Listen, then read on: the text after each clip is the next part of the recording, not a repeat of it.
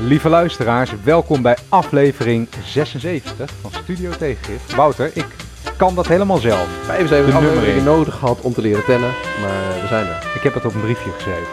Wiemar, welkom in Groningen. Ja, ik ben helemaal eh, de weg kwijt. Wij eh, zitten gewoon in Groningen en niet eh, in Den Haag. We zijn eh, afgereisd. Ja, ik vind het leuk en we hebben ook een onderwerp, voordat we de traditionele gekte doen, een onderwerp wat er ook een beetje bij past en wat we al langer wilden bespreken. Namelijk, de luisteraar heeft er al op geklikt, dus ik verraad niks, maar het onderwerp is verwaarloosd Den Haag de regio. Een leuk onderwerp, gaat er ook vaak over. Ik las ook een erg goed artikel in de Groene Amsterdammer, die een uitgebreid data-onderzoek hebben gedaan naar voorzieningen. Eh, in ieder geval, los van eh, hoe het zit, is het beeld eh, in de regio wel dat ze achtergesteld worden. Of tenminste, het gaat er vaak over. Wij gaan het even goed kraken. Is het nou zo? Eh, zo ja, wat doe je eraan? Ehm, en dat leek ons leuk om dat dan in Groningen te doen. Dus welkom eh, bij mij thuis, Precies, jongens. dit stukje Den Haag, namelijk Wiemar en Wouter, is eh, naar de regio gekomen, naar Randy. De Hollandse waterlinie overgestoken. Terwijl ik eerlijk moet zeggen dat eh, ik Groningen niet enorm beschouw als de regio. Als je gewoon aankomt met de trein en je komt een beetje hier met hier rond aan het lopen en aan het fietsen, dan denk je eigenlijk dit is gewoon, dit is eigenlijk gewoon eh, Randstad in de provincie. Maar Je misschien bedoelt, eh, dat beledig er ik meteen al heel hip- veel mensen. Hippe koffietentjes Ja, hippe eh, koffietentjes, eh, allemaal elektrische scootertjes, eh, leengebeurtenissen. Ja, dat ik denk, nou, dit is eigenlijk hetzelfde. Dus is de- de- ik weet niet of, of, of Groningen nou echt, echt ja, de regio is. Maar ja, hier kunnen we natuurlijk over, over discussiëren. Maar jij weet, we zijn nu inderdaad in jouw nieuwe huis hier in, eh, in Groningen. Ja, zeker. Dus eh, als het goed is kun je ons eh, heel meer eh, vertellen over hoe het hier in deze mooie provincie is. Weet je, dat doen we zo. Mhm. Laten we eerst even de traditionele gekte doen. Ik mocht hem uitzoeken dit keer. En ik heb iets uitgezocht wat we, gaat over klimaat. Iets waar we het helemaal niet zo heel vaak over hebben. Namelijk, en heel veel mensen hebben dat al voorbij zien komen. de rijkste 1% van de wereld stoot twee keer zoveel CO2 uit als de armste 50%. En dat, zijn, dat gaat dus ongeveer om 63 miljoen mensen, de 1%. eh, versus iets van 3, nog wat miljard mensen. Ja, maar die 1% is gewoon he- heel Nederland zit erbij, toch? Ongeveer. Nou, je hebt van die metertjes dat je kunt meten of je bij de 1% van de wereld Ja, bent. de- maar de ene Toevallig procent zit heel Nederland erbij. gedaan en eh, ja, daar hoor ik bij. Nee, maar eh, ik denk in dit soort rekensom echt gewoon heel Nederland zit erbij, toch? Nou ja, een groot deel van. Nederland zit erbij. Nou ja, het artikel eh, Ja. waarin ik dit eh, feitje las, eh, gewoon op nos.nl, dat was ook volstrekt misleidend. Want het ging meteen over ruimtereizen. ja. denk ik, oké, er zijn nu ongeveer zes mensen of zo de ruimte in geweest. Eh, zes miljardairs of, of weet ik veel wat. Eh, dat is natuurlijk niet die 63 miljoen eh, mensen. Dat is gewoon de Nederlandse, de Nederlandse middenklasse zit daar bijna eh, geheel bij. En dat zijn mensen die denken dat ze, dat ze niks fout doen. Dat ze gewoon lekker vijf keer per jaar op vakantie gaan met het vliegtuig. Maar wat ik zo leuk vond aan dit feit, wat leuk is niet het goede woord, een ontzettend triest feitje, is dat die 3 miljard mensen, eh, die, eh, hè, die, die samen net zoveel uitstoten, of nee, niet net zoveel, de helft maar trouwens, Mhm. eh, als die 1%, eh, die mensen wonen ook nog op andere continenten. Die, kunnen daar, die hebben geen enkele relatie met die 1%. Die 1% die woont in Amerika en Europa en Japan. En dan nog een, wat plukjes in de rest van de wereld. En die 3 miljard mensen, die wonen in Afrika, het Midden-Oosten, eh, Zuidoost-Azië. Een on- ontzettend triest gegeven. Nou, wat, wat, wat ik er heel tekenend aan vind, en ik vond het is ook mooi dat we het hier vandaag over hebben. Vandaag was de dag van een hele grote klimaatmars in, in alle steden, eh, waar dit vast en zeker ook eh, duidelijk naar voren is gekomen. 45.000 In En- Nederland 45.000 ja, dat is, mensen in Amsterdam. Ja, me altijd- wie telt, hè? Dat is altijd heel interessant. waar ik me altijd over Maar verbaas is dat, 45.000, dat, veel. dat sommige van die protesten, van die gele hash en zo en andere gekken, eh, die hebben heel veel aandacht gekregen. Terwijl de, de, de klimaatmarsen zijn overduidelijk de eh, protesten de afgelopen jaren waar verreweg het meeste mensen aan deelnemen. Dus gewoon, gewoon dat gaat echt om eh, tienduizenden mensen. Dat zijn verreweg de grootste marsen. Maar doordat ze niet hele steden afbreken of blokkeren of dat soort dingen, wordt vaak minder aandacht aan gegeven. Maar het, een ander punt over dat, dat dus die 1% die volgens mij dan evenveel als de armste 50% van de wereld uitstoot, de, de gekte als het ware. Ehm, vind ik dat, wat, waar het heel vaak over gaat, is dat ehm, die, die rijke mensen het proberen te lijken alsof we ons klimaatverandering of CO2-uitstoot uit gaan innoveren. Dus als die rijkste 1% maar gewoon een beetje hun levensstandaard zo houdt, maar dan wat efficiënter en wat groener, dan komt het allemaal goed. Ehm, en dan ook nog eens wordt heel vaak gewezen naar bevolkingsgroei. Dus als ze in Afrika maar, maar niet zo ongodschuwelijk veel kinderen zouden maken, dan komt het allemaal goed. En de Ja, vingertje dat heeft er dus niks mee te maken. heeft er echt, Nee. Het maakt niet uit of iemand die echt een miniem gedeelte van de CO2-uitstoot van de wereld verzorgt, of die nou 100 kinderen of één krijgt. Het Nee. maakt wel uit als jij een multimiljardair bent, of jij één of twee kinderen krijgt. Het maakt heel veel uit. Ja, maar dat, dat, het is iets wat een soort van verhaal dat we ook ons aangepraat hebben. Dat we hebben niet minder mensen nodig, we hebben minder knetterrijke mensen nodig. Ehm, en dat is een heel ongemakkelijk verhaal. Dat, dan ben je een soort van socialistische gekkie. Ehm, want we hebben het over een technologisch probleem, klimaatverandering. Dat willen we het graag over hebben. Een technisch probleem waar we ons uit kunnen innoveren. En niet een sociaal vraagstuk. Ehm, want dat, dat zou allerlei eh, andere veranderingen ver- vergen. Dus eigenlijk, zolang het hier niet over gaat in, in, eh, in Glasgow, van hoe, hoe matig je nou de, de internationale financiële elite in hun eh, consumentengedrag, ja, dat gaat nooit lukken.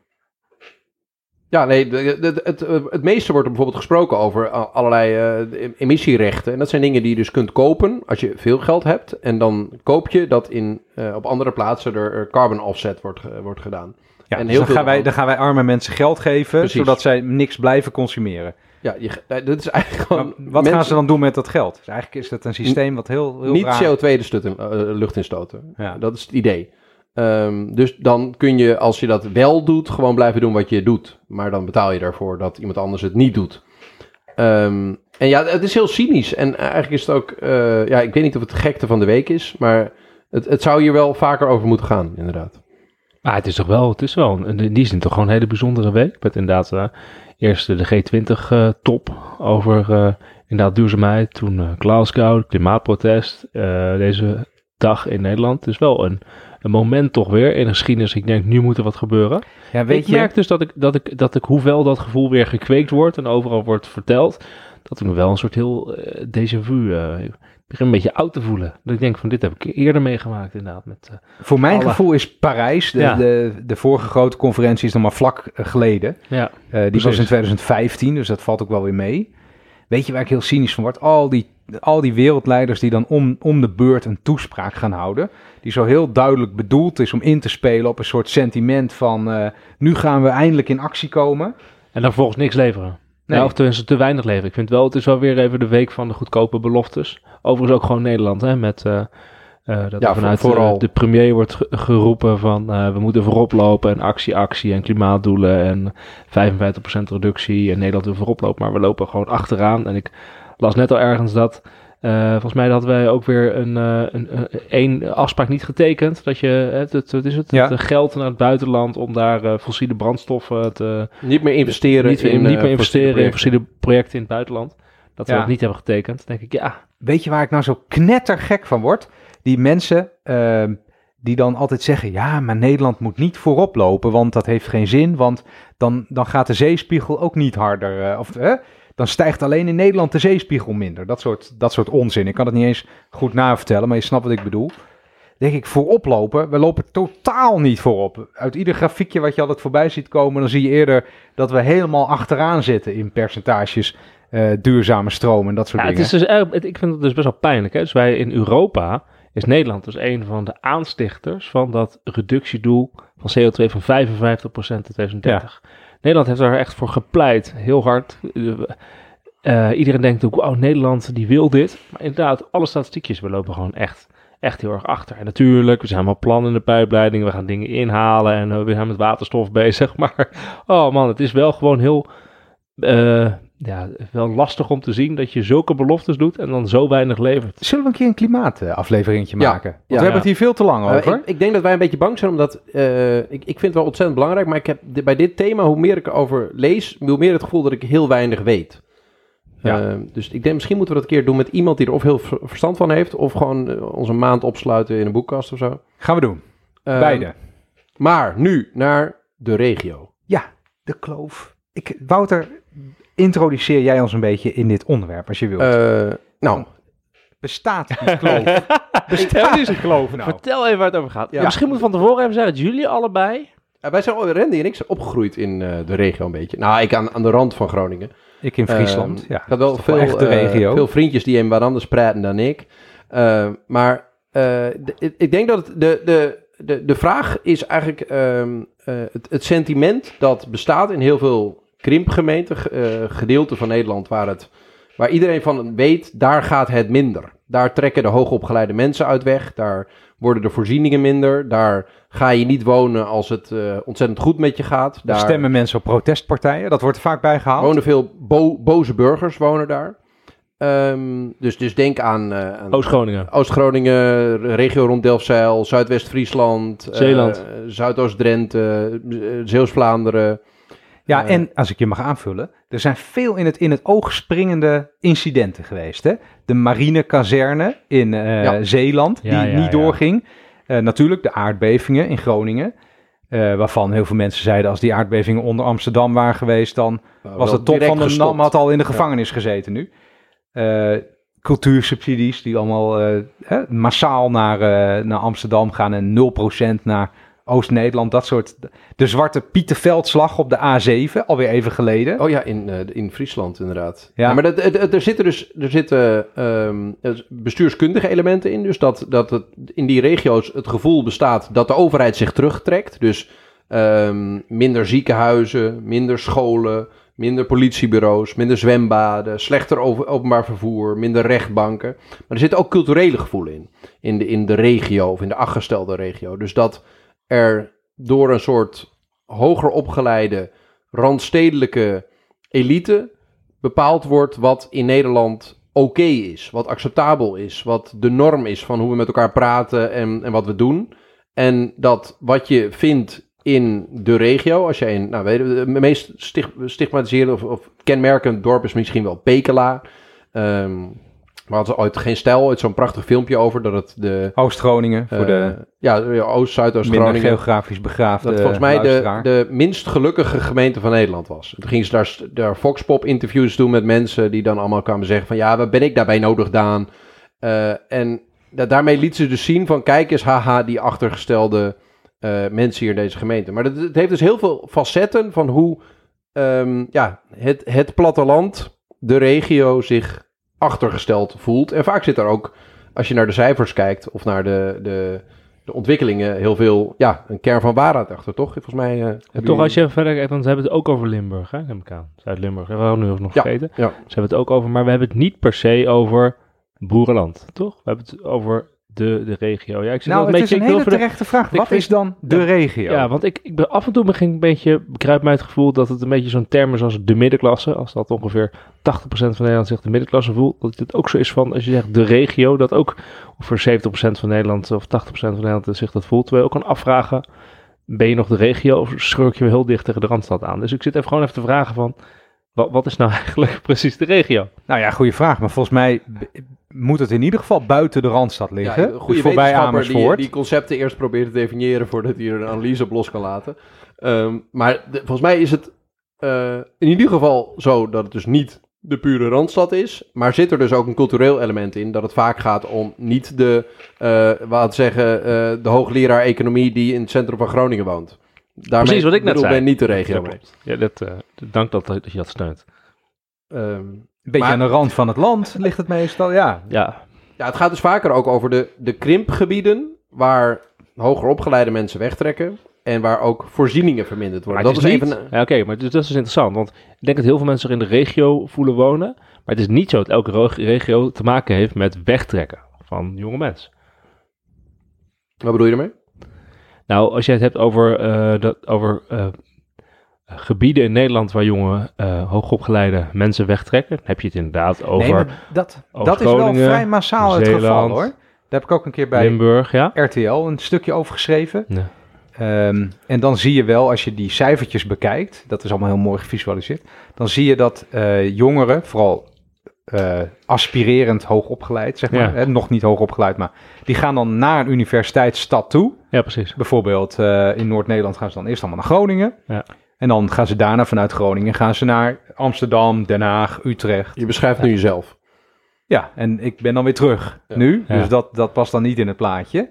Maar, en is Eh, het maar dat is wel typisch- vrij breed hoor. Dat is niet een paar gebiedjes aan de randen. Nee, precies. Maar is, en is het dan typisch Nederlands? Of gebeurt het eigenlijk overal? Want, Hè, dus even wel- gewoon als vraag. Want het is best wel logisch om te veronderstellen. Het meeste hoogopgeleide werk is inderdaad in de Nee, kijk, qua centralisatie steden centrum, eh, Randstad. Dus ook wel logisch. Dat. Nou, je hebt het beroemde boek overal zie je eh, een trek naar de steden. Hè? In heel de alle westerse wereld ongeveer. Ja, volgens mij is dit wel een, echt in ieder geval wel een Europees fenomeen. eh, Of een westers fenomeen. Ja. Ik wou noemen, je hebt het boek van eh, David Goodhart, heet hij geloof ik. eh, Anywhere's eh, Somewhere, zoiets heet Ja. het. Road to Somewhere of ja, zoiets. precies. Eh, dat de Anywheres, hè, die zijn eh, niet gebonden en die gaan allemaal eh, via die circuits van de universiteiten een, een soort hè, eh, ongebonden mondiale klasse in. en andere mensen die blijven gebonden aan de streek waar ze vandaan komen. Dus hij- ja. Ja, nee, dat klopt. Ja, en je ziet, je ziet in, in veel andere landen zie je het ook zo. In, in Nederland heeft nog een paar steden van heel gebied dat het centrum vormt. Ehm, maar bijvoorbeeld eh, Denemarken, ehm, daar, daar zie je echt een centralisatie in Kopenhagen. Daar is het ook zo dat ho- de hoogopgeleiden, die gaan allemaal in Kopenhagen wonen. Eh, daar gaan ze dan trouwen, een eh, partner vinden en daarna gaan ze weer weg. Ehm, maar wat, wat je in Nederland ziet is dat hoogopgeleiden die blijven nadat ze een, een, een partner gevonden hebben in die leuke studentensteden, blijven ze nog steeds in dezelfde gebieden wonen met elkaar allemaal. En er zijn nog steeds gebieden waar hoger opgeleiden niet naar terug toe gaan. Eh, dus ga eigenlijk nooit meer komen. En dat gaat dus gepaard met een afname van de voorzieningen in die gebieden. En ik denk wat een hele interessante vraag is van als we het dan hebben over wat is die verwaarlozing van de regio, is zit er niet een soort van versterkend effect in. Dus dat enerzijds, eh nou, nemen we het voorbeeld van Pekela weer. De, de, de, de, kindjes die eh, na- naar HAVO-VWO gingen en naar het HBO of de universiteit gingen in, in Groningen, die keren niet meer terug. En vervolgens zijn er ook de voorzieningen, de scholen, net wat minder. Of, eh, of de, de, de publieke voorzieningen überhaupt. Ehm, en zullen mensen die de potentie hebben om HBO of WO kindjes te krijgen, ook niet meer daar gaan wonen. Wat Mhm. de, de verschraling eigenlijk alleen maar weer versterkt. Zullen we dat even beetpakken? Want een van, voor ons, een van de directe aanleidingen om dit te doen was een, was een artikel in de Groene Amsterdammer. Eh, hoe Den Haag uit Nederland verdween, heet het. Ja, briljante titel. Ja, goede titel wel. Even Hè? een compliment aan eh, Koen van der Ven die dat geschreven heeft. En eh, daar zit dus heel veel data achter, wat ze ook samen met follow, het uitstekende Follow the Money hebben gedaan. En dan hebben ze, de, de kern is een, eh, een soort, eh, het zijn allemaal kaartjes en dan kun je zien, ja, kan het, moet het, ik moet het wel beschrijven nu natuurlijk, wat de afstand tot voorzieningen eh, dan is. Eh, en dan hebben, hebben ze een soort top 8, heb ik hier voor me, van eh, waar de afstand tot voorzieningen dan het grootst is. En dat is dan Zuidwest-Friesland, Zuidoost-Drenthe, Noord-Friesland, Delfzijl in omgeving, et cetera. Allemaal van dat soort, eh, eh, dat soort gebieden. Ehm, en waar neemt dan de afstand tot voorzieningen het sterkst toe tussen 2009 en eh, 2019, geloof ik, uit mijn hoofd? Is dan ook, dat zijn eigenlijk dezelfde gebieden, hè? Delfzijl in omgeving Noord-Friesland, ook Eimond in Noord-Holland trouwens, en dan Zeeuws-Vlaanderen, Zuidoost-Drenthe. Super interessant. Dus dan woon, dan woon je, dus het, dat raakt je wel echt, hè? Dus je woont in een dorp, daar had je dan een schooltje, dat schooltje gaat dicht. Ja, En dus dan, we eh, als, eerste, als eerste onderwerp gewoon pakken echt de publieke voorzieningen, zeg maar. Hè? Dus de, de regio wordt achtergesteld verwaarloosd van publieke voorzieningen eh, verdwijnen. En waar komt dat dan door? Dat, dat is gewoon, dat is een, want je ziet inderdaad, de kaartjes zijn schrikbarend. Dus die publieke voorzieningen verdwijnen inderdaad. Gaan van, van nou, ah, zie, dus we hebben allemaal ziekenhuizen, bibliotheken, Scholen, politiebureaus. politie, alles wordt minder. En dus een grote vraag natuurlijk, waarom? ja, nou, dat, dat, ik, ik, ik heb wel een beeld van waarom. Mhm. Dan eh, heb je dus waarschijnlijk een soort norm, of dat is dan zo, bedoel ik. Ja, Eh, wij, wij zijn alle drie beleidsmaker geweest. Wij weten heel goed hoe dit werkt. Ja, dus er zit ergens een ambtenaar op een ministerie, die, die, is, die is chef scholennorm, ik weet niet hoe die norm precies heet. En die, eh, eh, die moet dan eh, iets bezuinigen of zo, of hè, die heeft er nog eens een keer over nagedacht en die zegt, ja, de norm voor kleine scholen, die wordt, die wordt anders. Hè, want er is een soort ondergrens en daaronder moet een school dan sluiten. Ja, dus ik denk dat het misschien goed om te zeggen, ik denk dat even, dat er al twee argumenten zijn waarom je zou na kunnen denken over het weghalen van publieke voorzieningen uit de regio. Vanuit een meer economisch perspectief en misschien ook een beleidsperspectief. Namelijk het eerste is natuurlijk gewoon eh efficiëntie, doelmatigheid. Dus de vraag van, oké, als we voorzieningen hebben, hoeveel mensen maken er eigenlijk nog gebruik van? Dus we moeten, Ja. dat, dat is gewoon de vraag, hoeveel geld per inwoner ben je bereid om aan een voorziening uit te Hoeveel- geven. Hoeveel kost een leerling? Ja, precies. Dus eh, dat is altijd een argument, hè? dus gewoon een kostenargument. Maar vaak wordt ook eh een renderende spoorlijn, hadden we hierover. Dat is een spoorlijn, hoeveel mensen zitten er eigenlijk in die trein de hele tijd? Eh, hè? Dus oké, dat is een eerste argument. Gewoon kosten, daar zijn we Nederland goed in, we zijn boekhouders.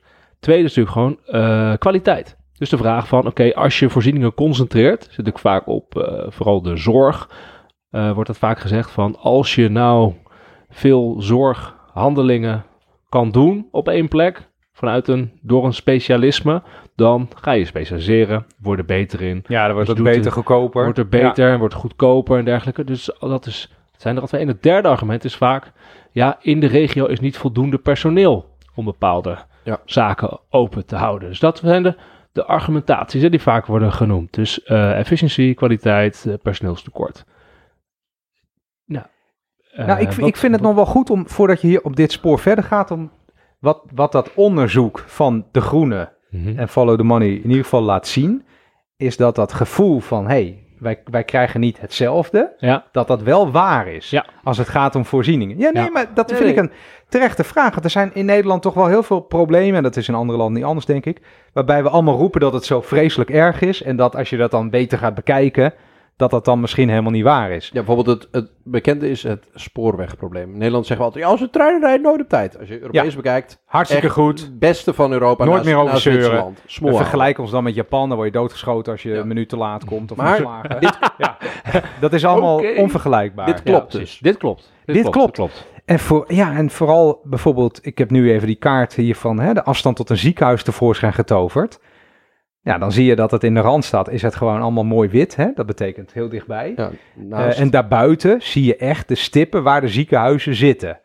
En daarbuiten is het gebied dan heel rood. Ja. Hè? Dus in Friesland heb je schijnbaar, had je vroeger had je eh, zes ziekenhuizen. Daarvan zijn twee verdwenen. En dat gebied is gewoon knalrood geworden in de zin van dan moet je meer dan 20 kilometer reizen. Ja, ik denk niet dat die mensen in die gebieden denken, Dokkum bijvoorbeeld, Noord-Friesland is dat. Dat is heel rood. Dat is, ver, dat is heel rood. Ja, die mensen zijn daar niet blij mee. En die betalen ook gewoon hetzelfde belastingtarief. Ja, Maar en die hebben geen er dus, ziekenhuis. en dan komt dus vanuit Den Haag komt er dan de redenering. Ja, maar we moeten de ziekenhuisvoorzieningen, of de zorgvoorzieningen concentreren. Want dus Ja. de kwaliteit wordt daardoor beter. Er is wel personeel. Het is doelmatig qua kosten. En, dan altijd heel belangrijk, de afstand of de reistijd, die blijft binnen aanvaardbare normen. Je kan maar- op tijd op een ziekenhuis zijn, behalve dan even Ja, maar wie dan bepaalt wat die normen zijn? of eh, bevalling of zo. En dat is natuurlijk interessant, want die normen, ik, ik bedoel, ik probeer alleen even uit te leggen hoe de redenering gaat. Ik, ik zeg niet dat ik er voor of tegen ben, maar van, zo gaat de redenering. Maar dan vervolgens wordt natuurlijk altijd aan die normen geklooid. Dus dan eerst wordt er gezegd, oké, je moet binnen 20 minuten in een ziekenhuis kunnen zijn. Dan wordt het Ja. 30, dan wordt het 40, dan wordt het 50. Eh, en dat, dat wordt natuurlijk de hele tijd, eh, hele tijd opgerekt. Hetzelfde met aantal eh, eh, leerlingen per school die nog open mag blijven. Of voor per eh, hoeveelheid mensen in een gebied waar een politiebureau mag zijn. Ehm, dus de beleidsmakers, en dat soort normen is belangrijk om te vermelden, die worden nooit hopsakee veranderd. Dat gaat jaar per jaar een cijfertje, een heel klein beetje. En wat ik aan jou nog wilde toevoegen, Randy, aan het begin beschreef jij van wat er dan gebeurt. Van waarom dit soort eh, zaken bedacht worden door, door bureaucraten of technocraten aan een, een beleidsdepartement. Ehm, vaak is het zo dat er moet een ander initiatief, moet veel geld gaan, daar, dat is belangrijk. Daar is ambitie en dat gaan we doen. Dan gaan we nadenken, oké, waar halen we dan geld vandaan? Hoe gaan we dat financieren? Waar kunnen we eh, iets op regelen? Nou, dan gaan we de norm op Hupseflups, gaan we eens eventjes een heel klein beetje aanpassen. Ziet Ja. niemand, eh, is super saai, wordt geen grote kamerdebatten over gevoerd. En dan hebben we eh, ruimte voor programma eh Hupseflups, waar aandacht voor is en waarmee gescoord kan worden. Ja.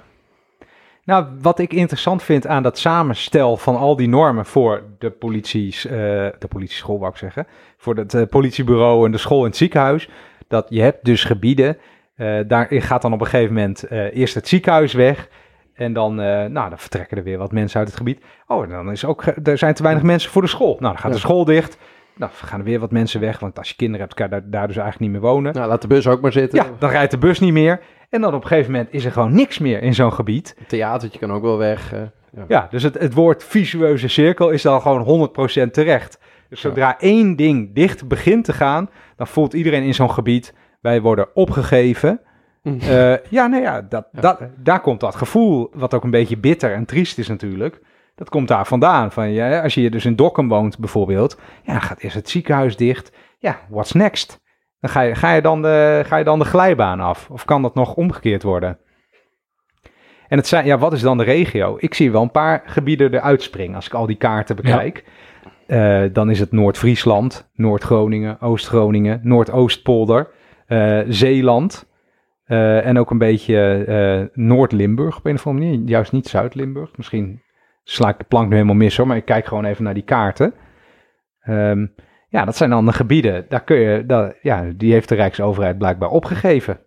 Huh? Daar gaan we niet meer. Uh... Ja, en wat, wat, ik het, uh, wat ik het interessant vond van, aan dat uh, data-onderzoek dat ze gedaan hebben, is dat, het dus, um, een, dat er ook landelijke regio's zijn, dus regio's waar de bevolkingsdichtheid laag is, waar dit um, verschijnsel zich niet voordoet. Dus ze, hebben wel gemeten van waar nemen die, die publieke voorzieningen, dus het gezicht van de overheid, waar neemt dat nou heel sterk af? Nou, dat is in allerlei uh, krimpregio's. Maar er zijn ook een paar regio's waarbij ze noemen uh, het Gooi, de, de regio rondom Zwolle en uh, de zuidelijk Zuid-Holland.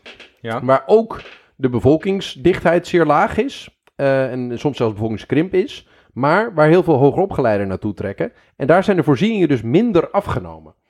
Um, de, en dat, dat steekt wel heel erg. Dat het dus wanneer uh, hoger opgeleiden in, uh, laten we zeggen, de, de krimpregio's gaan wonen. In een mooi uh, gebied rond de IJssel onder Zwolle of in het Gooi. Um, dat dan de bibliotheek of het theater of het, de huisartsdichtheid minder afneemt. Dan wanneer je in een gebied woont waar de, de, de, vroegere landarbeiders of ja, een gebied tegelijkertijd waar de fabrieken dus, dicht zijn. Is het dus wel een, dit is een hele belangrijke observatie. Want de vraag is dus, is het inderdaad, inderdaad een probleem tussen uh, Randstad en regio? Of het is eigenlijk een probleem tussen hoogopgeleide en laagopgeleide?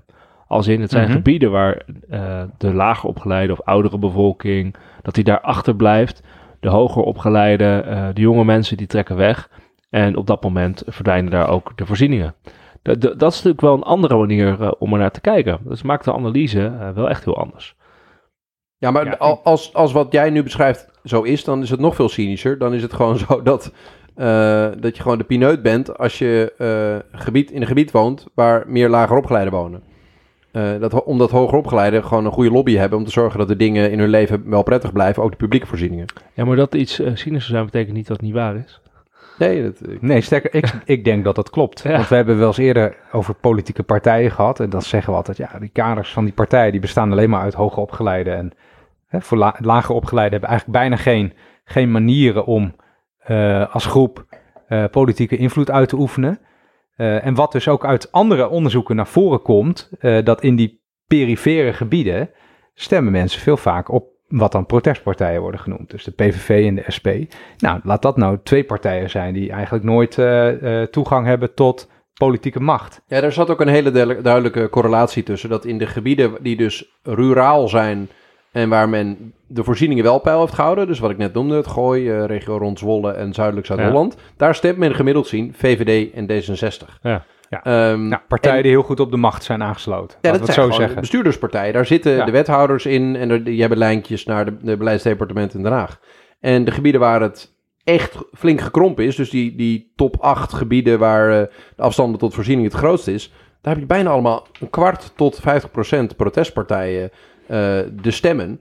Dus wat, wat, er, wat, wat je ook zou kunnen concluderen is dat er verzet of ja, uh, onrust gekweekt wordt. Dus de voorzieningen worden langzaam teruggetrokken uit die gebieden. En wat krijg je ervoor terug? Mensen die de overheid haten. Uh, en die, die ja, ontevreden zijn en, en boos zijn. En ja, in, dat, in dat groene artikel staat een prachtig voorbeeld van een man die uh, in Pekela de, de fractievoorzitter van de PVV is. Ja. Um, en die zegt, ja, mijn, mijn programma gaat alleen maar over voorzieningen. Gewoon de, de voorzieningen. De hele ja. migratie, waar de PVV landelijk punt nummer 1 tot en met 6 van maakt, dat is helemaal geen ding bij ons. Ik, ik sta er gewoon voor dat de school niet dicht gaat en dat het gemeentehuis blijft. Het is wel zo bijzonder, je hebt gelijk, best wel bijzonder dat, uh, dat dus eerst een soort, uh, jij noemt een beetje uh, technocratische argumentatie van we gaan voorzieningen weghalen, want schaalvergroting is goed en kwaliteit, doelmatigheid, personeelstekorten, alles wat we net hebben genoemd. Maar dat geldt dan alleen inderdaad voor de regio's waar vooral lager opgeleiden wonen. Want in de regio's waar hoger opgeleiden, wo wonen, dan is er toch lobbykracht om dat toch te veranderen. Want daar geldt het dus blijkbaar toch niet. Ja, misschien, misschien daar wonen, daar wonen gewoon, is- een- nee, daar wonen Ja. gewoon de broers en de zussen van die beleidsmakers wonen daar. En die Ja, geven nee, af en toe een belletje van niet doen joh, eh, kappen. In het gooi, ja. Ja, eh, laat het bij Ja, ons dus even staan. Dus dan, dan zijn de basisvoorzieningen ineens niet voldoende voor die regio's. Waar die hoger opgeleiden worden, moet er iets bij. Overigens is het heel herkenbaar in de zin van... eh, gewoon in een, in een gemeente zie je dat volgens mij ook hoor. In Den Haag zie je ook dat er eh, wat eh, rijke wijken zijn met, met rijkere, hoger opgeleide bevolkingen. Waar toch op een of andere manier de publieke voorzieningen er wat beter uitzien dan in andere wijken. Ja, maar dat gaat, al- Dat- dat, dat je gaat allemaal over hmm, lobbykracht natuurlijk. Hoe gaat dat? Ja, Ja, maar ik vind dat helemaal niet bijzonder. Want weet je, als jij, als het theorie is, hè, je zit op een ministerie en je verandert een getal. Ja. En dat betekent dat een ziekenhuis dicht gaat in Dokkum. Dan, dan denk Ja, je, dat oh, is dat kan wel. Maar dat, dat is ook goed. Dat is ook Maar als jij, als jij ergens woont en dan gaat het dicht, dan denk je, ja, maar het moet open. Ja. Dus Dit is nog een volgend dat is punt. het verschil. Namelijk, eh, als je het. eh, dus oké, de mensen die erover gaan in Den Haag, die dus eh, vervolgens bepalen wat zijn dan die basisvoorzieningen, hoe ziet het kader eruit, hoeveel Ja. geld gaat er naar de provincies, hoeveel geld gaat naar de gemeentes en waarvoor en waarvoor. Heel veel mensen die die beslissingen nemen, ja, die zijn hoger opgeleid en die wonen in de Randstad. Ja. Dus de vraag is, in hoeverre kunnen ze eh, zich inleven wat er in de regio gebeurt, plus eh, in hoeverre merken ze het zelf eigenlijk, wat, ze, wat de effecten zijn van, van de beleidskeuze. Ja, als je beslissingen, dat, de vraag stellen is een beantwoorden. Als je beslissingen neemt over anderen, ja, dan denk je er toch minder diep over na dan als je een beslissing neemt eh, die je zelf raakt. Dat denk ik ook. En het is dus, du- dat is wel interessant. Dus dan heb je dus een regio's waar dus eh lager opgeleide mensen blijven wonen, ouder, die wonen er al lang. Die hebben het gevoel, de jonge generatie trekt weg, trekken naar de grote steden toe. Misschien wordt een aantal van hen zelfs beleidsambtenaar op een ministerie in, rij- op, in een rijksfunctie. En die gaat vervolgens zo een heel ander soort cultuur en sociale omgeving even bepalen wat er met de voorzieningen nu hier in deze regio gebeurt. Het is wel interessant. Eerst voel je dan verlaten of achtergelaten. En vervolgens heb je het gevoel, ja, er is hier iemand vanuit een andere soort eh, eh, elite of zo eh, aan het bepalen wat er hier gebeurt. Ja, en, een factor die, die je niet veel terugleest en hoort, is dat ehm, in deze gebieden is het ook zo, dat vind ik een... Maar die gebieden voelen ook, je voelt ook, je, je kan me eh, voorstellen dat je ook veel meer de toekomst voelt. Ja, het- het is inderdaad het, het gevoel van mijn leven gaat niet beter worden. En de enige manier waarop er wat aan gedaan zou kunnen worden, dus via beleidsprikkels of misschien eh, nieuwe economische kansen, die mensen die daar de beslissing nemen, die geven toch niks om mij. Ehm, En, en wa- wat ik wil, het punt wat ik wilde maken is dat er ook een link is met ehm, dat er in het verleden in die rurale gebieden heel vaak een, een sterke eh saamhorigheid was in het kader van de kerk. Dus je had in, in, in, in Groningse, Friese en ook in- zeker in Zeeuwse gemeenschappen had je heel veel sterke eh, eh, collectieve voorzieningen via de kerk. En er is Ja. steeds veel minder dat via de kerk op dit moment georganiseerd wordt. Jongeren gaan minder naar de kerk en er heeft gewoon minder een, een, een, een, ja, een soort sociale cohesiefunctie. Dus als het gemeentehuis of het schooltje, wat dan soms dan die gemeenschapsfunctie, omdat s'avonds is de bridgeclub er, smiddags is er het sporten en s ochtends is er de school.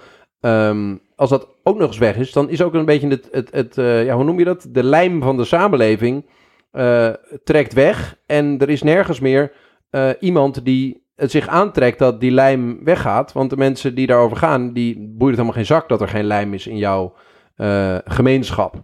Eh, dus het, het culturele, het, ontheemde gevoel is niet alleen maar door die pure voorzieningen, maar ook ja, dat die voorzieningen ook was wat mensen met elkaar verbond.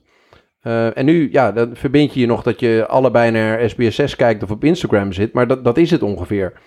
Eh, ja, dus die gebieden die verzwakken ook in, so, in sociale zin, bedoel je? ja, ja, absoluut. Ja, dat, de- je hebt ook steeds meer sociale problemen in die gebieden. Zie je ook het toenemen. Ja. Op het gebied van drugsgebruik, psychiatrische problemen, dat soort zaken. Dat zit ook allemaal hoger in die eh, gebieden. Nou ja, ik snap dat wel. Als je een beetje, als je een beetje het gevoel hebt van de, de heerst hier toch geen toekomst. Eh, hè, want de, wat, de afbraak is nu, eh, de afbouw van alles wat hier is, is nu begonnen. Hey, ik, wil, ik wil wel iets anders erin gooien. Want we zitten een beetje in het hokje nu van, of in het, hè, in het vakje van hoe kan dit nou? Hè? Wat veroorzaakt dit nou? Ehm, en daar zit, daar zit iets heel interessants achter. Want Nederland wordt een steeds rijker land. Volgens mij is dat waar. Eh, maar in 1960 of zo, weet ik veel, had je in heel veel dorpen had je wel een politiebureau en een basisschool en eh et cetera, noem het maar op. En nu, eh, veel, veel rijker dan toen, zeggen we, ja, maar dat kunnen we ons niet veroorloven. Dit is de grote paradox van onze tijd. Ja, dus we worden steeds rijker, alleen de boel om ons heen verschraalt steeds meer. En volgens mij heeft dat, je, je, je haalt al het woord efficiency net in de mond, te Wiemer, maar het heeft ook te maken met een soort zakelijke houding. Dat je Ja, denkt, zeker. Is eigenlijk kan houding. dit wel uit? Hè? Alsof je Ja. een bedrijf bent, ga je dan kijken naar eh, een school. Je zegt niet, ja, maar dan moet gewoon, ieder dorp moet gewoon een school hebben, want anders kan je dat dorp net goed slopen. Hadden Ja. ze waarschijnlijk vroeger gezegd. En nu zegt men van, ja, maar minder dan, ik, ik roep maar wat hoor, nu qua getallen, minder dan 20 leerlingen, dat kan niet uit, dan wordt het te duur. Maar ja, en Ja, of de kwaliteit gaat er dan onder lijden. Want je, dat, dat wordt dan ook als argument gegeven. En de vraag, wat Wouter ook zei, van, is het nou oorzaak of is het gevolg? Hè? Inderdaad van, eh, oké, eh, ehm, eh, er wonen steeds mensen, minder mensen in het gebied. Nou, is dan het gevolg daarvan dat je wegens efficiency je, je publieke, publieke faciliteiten moet verminderen? Of doordat je publieke faciliteiten vermindert, gaan er ook steeds minder mensen wonen? Dus wa- wat is, wat Ja, is het nou precies hand in hand, gevolg? Nou, natuurlijk. dat, dat weet ik niet. Ik bedoel, ik weet, ik weet niet of dat zo is. Het kan ook gewoon zo zijn dat het grootste reden om te vertrekken niet de publieke voorziening is, maar inderdaad ehm, eh, gewoon de opleiding en de wens om naar de grootste eh, stad te trekken. Niet zozeer de publieke voorzieningen. Weet, weet ik niet of dat zo is. nou ja, als je, kin, als je kinderen hebt, dan ga je, ga je niet wonen in een dorp waar geen school is. Dan zit je heel veel in de auto.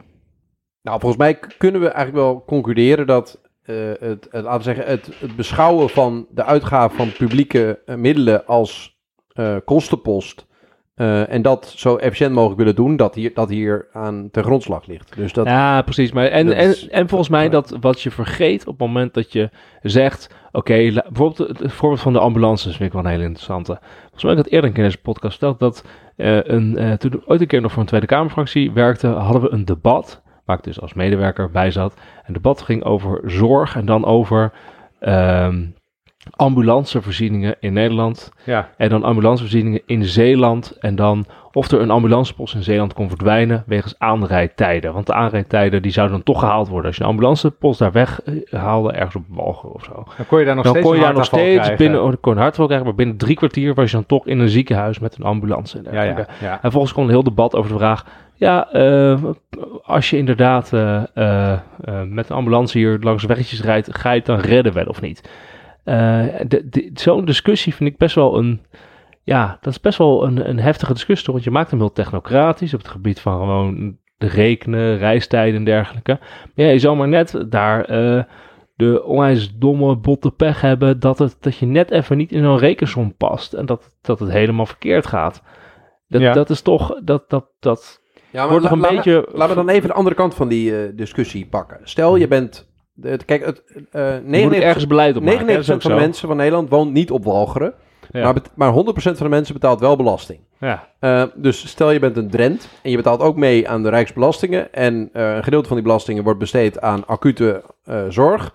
Ehm, dan wil jij waarschijnlijk dat het geld dat aan acute bezorg besteed wordt, zo efficiënt mogelijk uitgegeven wordt. En zo min mogelijk aan voorzieningen die weinig gebruikt worden. Dat kan ik me best voorstellen als Ja, jij eh. Drent bent. Ja, maar, ja goed, goed punt. Goed Want je gaat ook niet op, eh, nou noem eens, noem eens ergens een gebied. Je gaat ook niet in Emmeloord een operagebouw neerzetten. nee, maar dat snapt iedereen, hè? Dat is niet efficiënt. Ehm, maar dan heb je het eigenlijk over de vraag, wat heb je nou als, sowieso nodig? Ehm, maar de voorbeelden die wij net noemen, van een school en een huisartsenpost, ja, ik zou toch wel zeggen, dat heb je toch wel nodig. Toch zegt Ja. de overheid, eh, de Rijksoverheid, op, op, op impliciete wijze, en dat maakt het denk ik eh, dat het zo'n bron van onvrede is.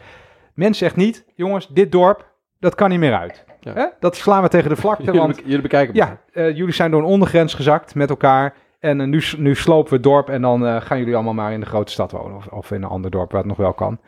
Maar dat gaat allemaal impliciet. Dus de school sluit, de, hè, de laatste supermarkt gaat weg. Alles, alles verdwijnt. Maar niemand heeft ooit gezegd van jongens, het is voorbij met dit dorp. Hè. We, we luiden de bel nog één keer en dan, en dan sluiten we de tegelijkertijd ben je dus wel de mensen die er nog wonen met enorm hoge kosten aan het opzadelen.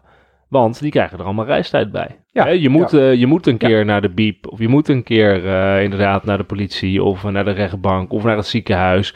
De- je krijgt een enorme belasting qua, qua reistijd, benzinekosten. Noem het allemaal maar op. En alles shit die je moet, leven, moet regelen in je, je leven. Ik bedoel, ja... eh, in een eh, grote stad moet je, een keer, moet je daar een keer tegen de mensen gaan zeggen... Oké, nee, vanaf nu... eh, Inderdaad, we, halen alle ziekenhuizen om je weg. Want we alleen nog maar in, in Noord-Amsterdam staat er één. Want ja, dan kan je binnen drie kwartier redden we toch. Ja. Er zijn er veel eh, mensen die zeggen dat bijvoorbeeld Amsterdam eigenlijk te veel ziekenhuizen heeft. Gelet op de hoeveelheid mensen, aanrijdtijden en dergelijke. Het eigenlijk niet efficiënt is. Dat er eigenlijk voor zorgvoorzieningen weg zouden moeten kunnen. Ja, Maar ik denk niet dat groot er mensen- kunnen maken. Ik denk niet dat, dat, eh, eh, nou, dat mensen staan te Nou, springen om denk- dat in, de, in Amsterdam ook even te gaan doorvoeren. En, en een groot gedeelte van, van dat gevoel, daar hebben we het denk ik in, in minstens tien van onze uitzendingen ook over gehad, heeft niet te maken met iets wat mensen op dagdagelijkse basis zien gebeuren, maar het gevoel van het grip, verlies van grip op hun leven. Dus dat eh, er langzaam dingen verschraald worden in de voorzieningen van het land waarin je woont. Ja. Eh, Door allerlei factoren die heel langzaam gaan en jou een beetje samenknijpen en je leven net steeds een stukje ellendiger maken. En dat je daar geen grip op hebt. En, en dat is volgens mij waarom in die gebieden heel veel mensen zich afkeren van het gevoel dat de overheid er voor hen is. Dus het vertrouwen en de legitimiteit van de staat neemt af. Omdat ze, die mensen het gevoel hebben dat ze geen grip hebben op wat die staat doet en waarom die staat dingen doet. Omdat ze het niet begrijpen, omdat ze niet Ja, het zijn ook gescheiden werelden. uitgelegd krijgen Ja, van waarom gebeurt ja. dit. Ja. Ehm, en ik denk dat, dat, dat eh, wa- wat, wa- waar dan een soort vraag bij mij bij zit, is dat ehm, eigenlijk is dit een hele duidelijke, laten we zeggen, electorale visvijver, ook voor die grote bestuurderspartijen. Dus als een bepaald gedeelte van Nederlanders woont in al die gemeenten en stel je wil wat voor ze doen, dan ga je toch gewoon zeggen van nou wij maken een gedeelte van, van het budget kwijt, weet ik veel, we gaan eh, een, een, een heel ander beleid schrappen wat, wat hoogopgeleide Mhm. eh, belangrijk vinden. Of eh, weet ik veel, we, we gaan wat di- andere dingen schuiven. Of we, we, we, halen ergens wat, wat Europese potjes op die toch al klaar liggen. En we gaan voorzieningen fixen in die gebieden waar mensen de staat niet meer vertrouwen. Om dat vertrouwen terug te winnen, zodat ze niet meer op populistische fringe-partijen stemmen die alleen maar wantrouwen verkopen. Want ik snap niet dat nog weinig partijen in dat gat stappen. Nee, als jij een programma schrijft eh, waarin staat... er komt een ziekenhuis in Emmeloord en er komt een ziekenhuis in Dokkum... dan heb je twee zetels al. Ja, ik denk dat, Ja. dat in Emmeloord en Dokkum denken ze, nou, die lopen weg met je. Ja, dat denk ik ook. Het is wel een interessante vraag waarom dat... eh, ja, ik, ik weet ook niet of mensen het nog zouden geloven. Het is zo'n duidelijke richting. Ik denk dat mensen het niet geloven. En ik denk ook niet dat de bestuurspartijen het zelf, zichzelf echt geloven dat ze dat gaan doen. Ik denk dat dus dat economisch denken is gewoon heel ver gevorderd in de bestuurderspartijen. Net zoals gewoon dat, dat die opleidingskloof is ook enorm ver gevorderd. En waarschijnlijk ook overigens eh, gewoon de plek waar, wo- waar woon je. Dus eh, inderdaad, ik denk dat eh, in de grote partijen is de, de, de grootste deel van de mensen die daar eh, de dienst uitmaken, die eh, eh, wonen toch wel in de Randstad. Maar dan, dan kun je dus niet meer met droge ogen jezelf in de spiegel uitleggen dat je het belangrijk vindt dat publieke voorzieningen gelijk verdeeld worden. Want dat vind je namelijk niet. Want ze worden steeds ongelijker verdeeld en ze worden steeds meer op een manier verdeeld die fijn is voor de mensen die de verdeling doen. Ja, ik, ik, dit is wel een thema wat, wat er aankomt, denk ik. Want weet je, het is, het is ook niet eerlijk. Je woont in zo'n gebied, je betaalt evenveel belasting, Ja. maar je krijgt daar gewoon minder voor terug. Dan kan je ook zeggen, ja oké, in die gebieden die dan blijkbaar impliciet zijn opgegeven door de Rijksoverheid, hoef je ook geen, geen belasting meer te betalen, want we, we regelen toch bijna niks hier. Ik eh, overdrijf nu een beetje. Ik wil iets anders erin gooien trouwens. Als je het hebt over, eh, wat zijn nou de dieperliggende oorzaken hiervan? volgens mij zit hem dat er ook in, en iedereen die de krant een beetje leest, die heeft dat meegekregen, dat de Nederlandse gemeenten eigenlijk overal echt behoorlijk krap in hun financiële jasje zitten. Dus eh, dat speelt al heel lang. Dat is eigenlijk ontstaan nadat eh, er allemaal dingen gedecentraliseerd zijn, maar dan eh, naar gemeente toe bedoel ik. Maar dan niet met het geld erbij, dus met een korting steeds. En sindsdien hebben gemeenten eigenlijk eh, niet zoveel meer te makken. Ehm, want dat is, natuurlijk wat, dat is natuurlijk de eerste overheidslaag waar je naar kijkt. Ehm, en dat maakt, het, dat maakt dat probleem ook wel eh, heel moeilijk. Want eh, eh, je, je woont in het puntje van Noord-Holland. en dan, dan sluit de bibliotheek en dan zeg, ga je naar je gemeenteraad en dan zeg je, ja, maar wij willen een bibliotheek. En die zeggen, en die zeggen dan, ja, maar wij ook. We hebben geen geld. Ja, ik, ik, ja, wat moet ik ervan zeggen? Ik denk dat het klopt. Nou, gemeenten worden net ook gewoon gedwongen, gedwongen in tijden van budgettaire krapte om op de voorzieningen te bezuinigen. Zie je nu ook hè, dat eh, toen eh, na de financiële crisis, eh, toen ook gemeenten wat bezuinigingen te verwerken kregen, of minder budget kregen, Ja? behoorlijk. Toen zijn er behoorlijk wat voorzieningen weggehaald, bibliotheken en dergelijke. Afgelopen jaren is er wat geld bijgekomen en er worden ook weer wat voorzieningen geopend. Ja, dus er zit er gewoon echt wel een hele financiële prikkel in. Hey, hebben we het over nog, eh, we, we willen het ook hebben over, ehm, er is dus gedoe over het gemeentefonds. Want Dat, Ja. Hebben het ook over geld, hè? Dus eh, dat is toch, ja, we worden heel technisch nu, maar gaan we Nee, het ja, erover we, hebben, we toch? kunnen er gewoon even induiken, Wiemer. Ja, dit is jouw vakgebied. Nee, ik ja, stel wel domme het is- vragen. Nee, dus er is nu gedoe over de verdeling, de nieuwe verdeling van het gemeentefonds ehm, over de gemeente. Dus misschien even om uit te leggen aan Wat de- is, wat is het gemeentefonds, Wiemer? Het gemeentefonds is het bedrag dat vanuit het Rijk eh, aan gemeenten ter beschikking wordt gesteld. Ehm, en dat is een groot bedrag. Ehm, ik weet even uit mijn hoofd trouwens niet hoeveel het nu is. Ja, 20, Eh, 20 miljard of zo. Ja, eh, en eh, voor gemeenten is dat echt het overgrote gedeelte van de inkomsten die ze hebben. Dat krijgen ze uit het eh, gemeentefonds. En het gemeentefonds wordt dus verdeeld op basis van maatstaven. Volgens mij een stuk of 60 of nog wel meer. En per maatstaf krijg je dan een bedrag. Dus moet Super aan- ingewikkeld dus. Super Eh, ingewikkeld. Maar ja. gewoon, uiteindelijk, is- uiteindelijk is het niet heel moeilijk. Het is gewoon een hele bak met maatstaven. Plus je krijgt een bak, een, hoeveel, een geldbedrag per maatstaf. Dus en dan moet je denken aan gewoon, hoeveel inwoners heb je en dan krijg je een bedrag voor. Hoeveel mensen in de bijstand heb je en dan krijg je een bedrag voor. Hoeveel ouderen heb je, krijg je een bedrag voor. Wat is je woon je oppervlakte, krijg je een bedrag voor. Heel rationeel. eh, Eigenlijk heel rationeel. allemaal. Dus ook weer gewoon wel heel erg eh, gepoogd om dat objectief te maken en eh, eerlijk. eh, en eerlijk. eh, ehm, en dus het idee van elke gemeente moet een bedrag krijgen waarmee je dus het voorzieningenpeil voor eigenlijk alle burgers wel gelijk zou kunnen krijgen. Hè? Dus in ieder geval van een bepaald niveau. Maar daar is dan gedoe over. Ehm, Ja, want al die, al die, technocrati die technocratische hemel die jij net beschrijft, die wordt dan Ja. om de vijf jaar, geloof ik, of om de zes jaar, geëvalueerd. En dan worden, worden een beetje aan al die knopjes gedraaid. En dan heb je natuurlijk winnaars en verliezers. En ik heb daar wel een kaartje van gezien, dat je zag dat die verliezers, eh, al die gemeentes, juist die perifere gemeentes, die werden allemaal diep rood. Ja, laat maar raden, inderdaad. Zullen wel weer hetzelfde zijn. Maar het, het is het, dat, het lastige, eh, om het simpel te maken, volgens mij is het gewoon één groot pot met geld. En dan heb je allerlei parameters. En dan heb je, weet ik veel, die 350 gemeenten. En er komt een bedrag uit voor iedere gemeente. Ehm, en die parameters Ja. zijn niet simpelweg hoeveel mensen wonen in je gemeente. Maar dat zijn echt een stuk of twintig eh, waar, eh, waar op basis waarvan de verdeelsleutel gemaakt wordt van hoeveel er naar iedere gemeente gaat. En eh, ja, ik, ik denk dat nou, dit, dit is heel complex. En nou, wat, wat, er, wat er meespeelt is dat die complexiteit draagt er denk ik niet aan bij dat ehm, mensen eh, het begrijpen of het acceptabel vinden. Want op het, in de Tweede Kamer gaat het niet zo heel vaak over de exacte verdeelsleutels van, de van het gemeentefonds. Ik denk dat je daar niet mee het NOS-journaal haalt. Ehm, en op gemeentelijk niveau eh, is het ook heel lastig uit te Nee, leggen. maar even ter, even ter verdediging van die Kamerleden. Ja, hoe ga jij zo'n debat voeren dan? Dan zeg jij eh, maatstaaf eh, nummertje 24, die eh, moet toch een half procent meer. Ja, het is ook, dat, dat is ook zo complex. Eh, Maak daar maar eens politiek van. Het, is inderdaad bijna onmogelijk. Maar het lastige is dus dat complexiteit is vaak de vijand van vertrouwen eh, op overheidsgebied. Dus hoe moeilijker het werkt, hoe groter het wantrouwen van mensen is als zij erdoor geraakt worden. Dus als, als Ja. jouw gemeente de gemeente is waar de relatieve bijdrage van het gemeentefonds in afneemt. En het is ook een gemeente waar jouw gemeentebestuur, weet ik veel, heeft moeten fuseren met, met twee andere gemeentes waar je niks mee had. Eh, en waar ook nog eens de publieke voorzieningen relatief zijn afgenomen, waardoor je kind een heel eind naar de school moet eh, eh, fietsen en je niet meer naar een normaal ziekenhuis dichtbij kan. Ehm, dan is die complexiteit die, die schijnbaar ergens bedacht wordt, die jij niet begrijpt, ehm, is een extra reden om die, die staat te wantrouwen. Ja. is Ja, mijn maar aanname. tegelijkertijd, kijk, het zijn ongeveer eh 60 of meer kenmerken, hè, of inderdaad eh, parameters, noemt, in dat gemeentefonds.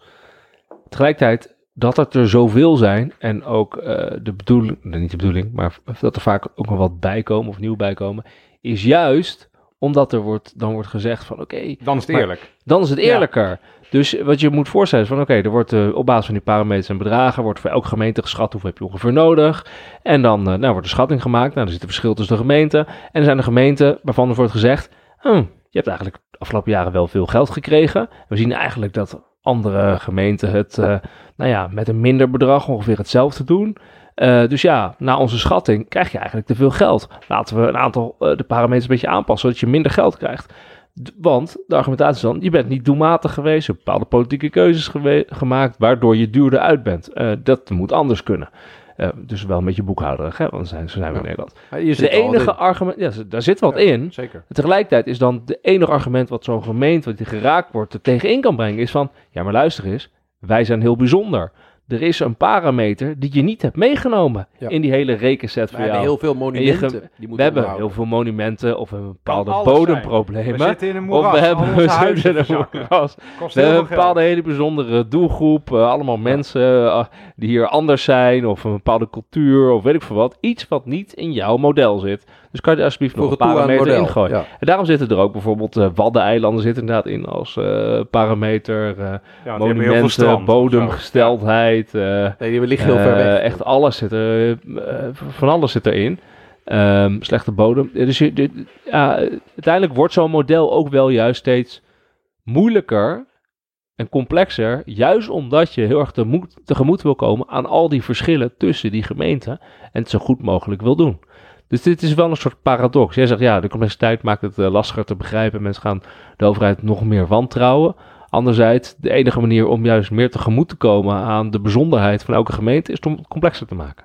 Nou, misschien is het leuk om nu een beetje het blokje oplossingen eh, in te rollen. Ze zijn nu natuurlijk een, een- oplossing. Nou, ik, mag ik, nog je één, ik wil nog één ding noemen. Ik, ik weet dat ik een beetje boel aandraag van, van of het erg is.